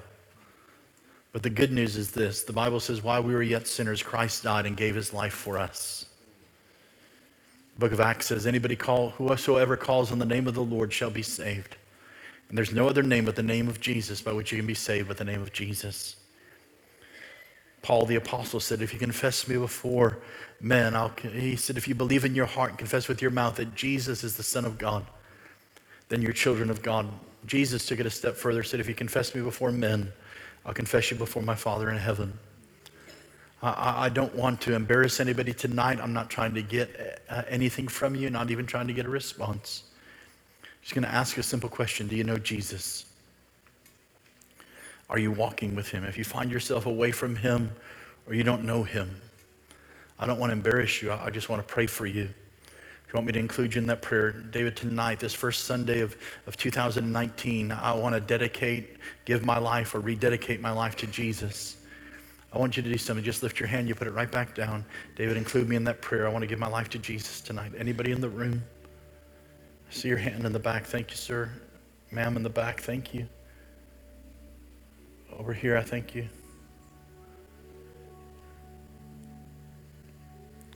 All of heaven is rejoicing right now for three people who said yes to Jesus. Amen.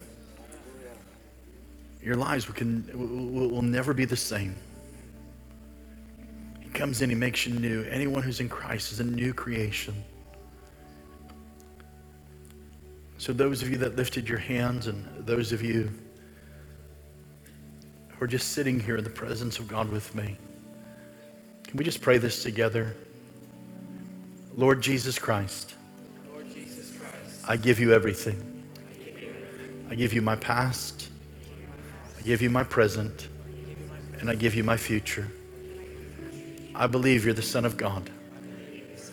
You died on the cross for my sins, and God raised you from the dead.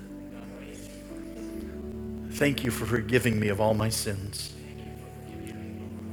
Come into my life, Jesus, afresh and anew. Be my Lord, be my Savior, be my very best friend. And from this moment on, I'll live for you the rest of the days of my life. In Jesus' name, amen. Come on, the greatest miracle you'll ever see.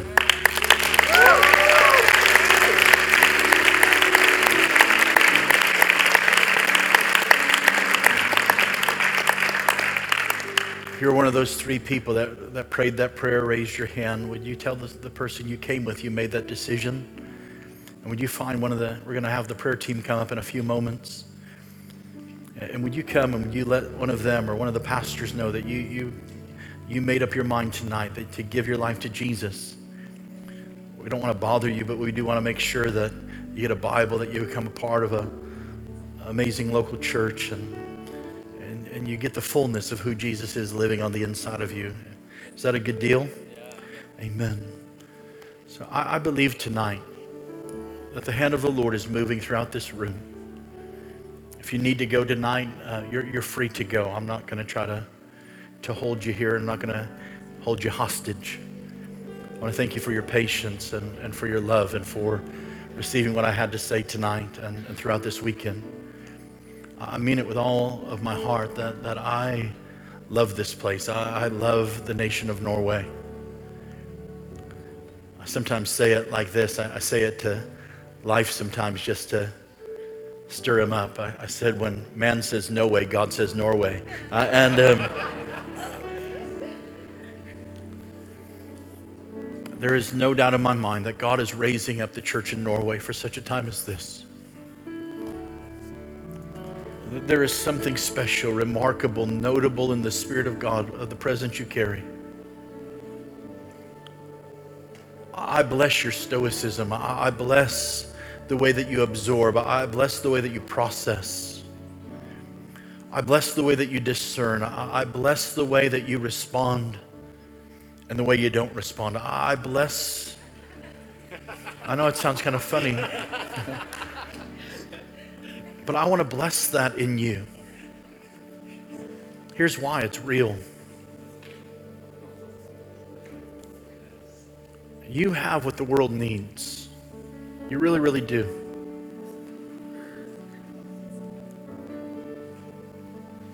I'm in a lot of places that there's manifestations of the Holy Spirit, but there's no fear of the Lord.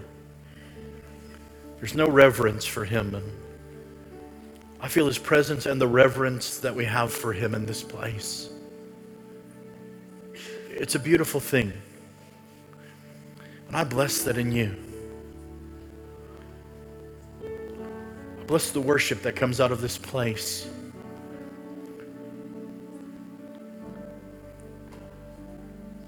It's great. I, I didn't even understand all the words, I made some up. But I pulled some out of there that I could recognize. And it's just what this soul needed, what this preacher needed this weekend. I love the Norwegian language. It's like a song. I could listen to it all day. Can't speak it, but I'll listen to it. Why am I saying that? I bless you in the expression, in the expansion of the kingdom of God tonight. Do all of us a favor and don't try to be something other than who you are.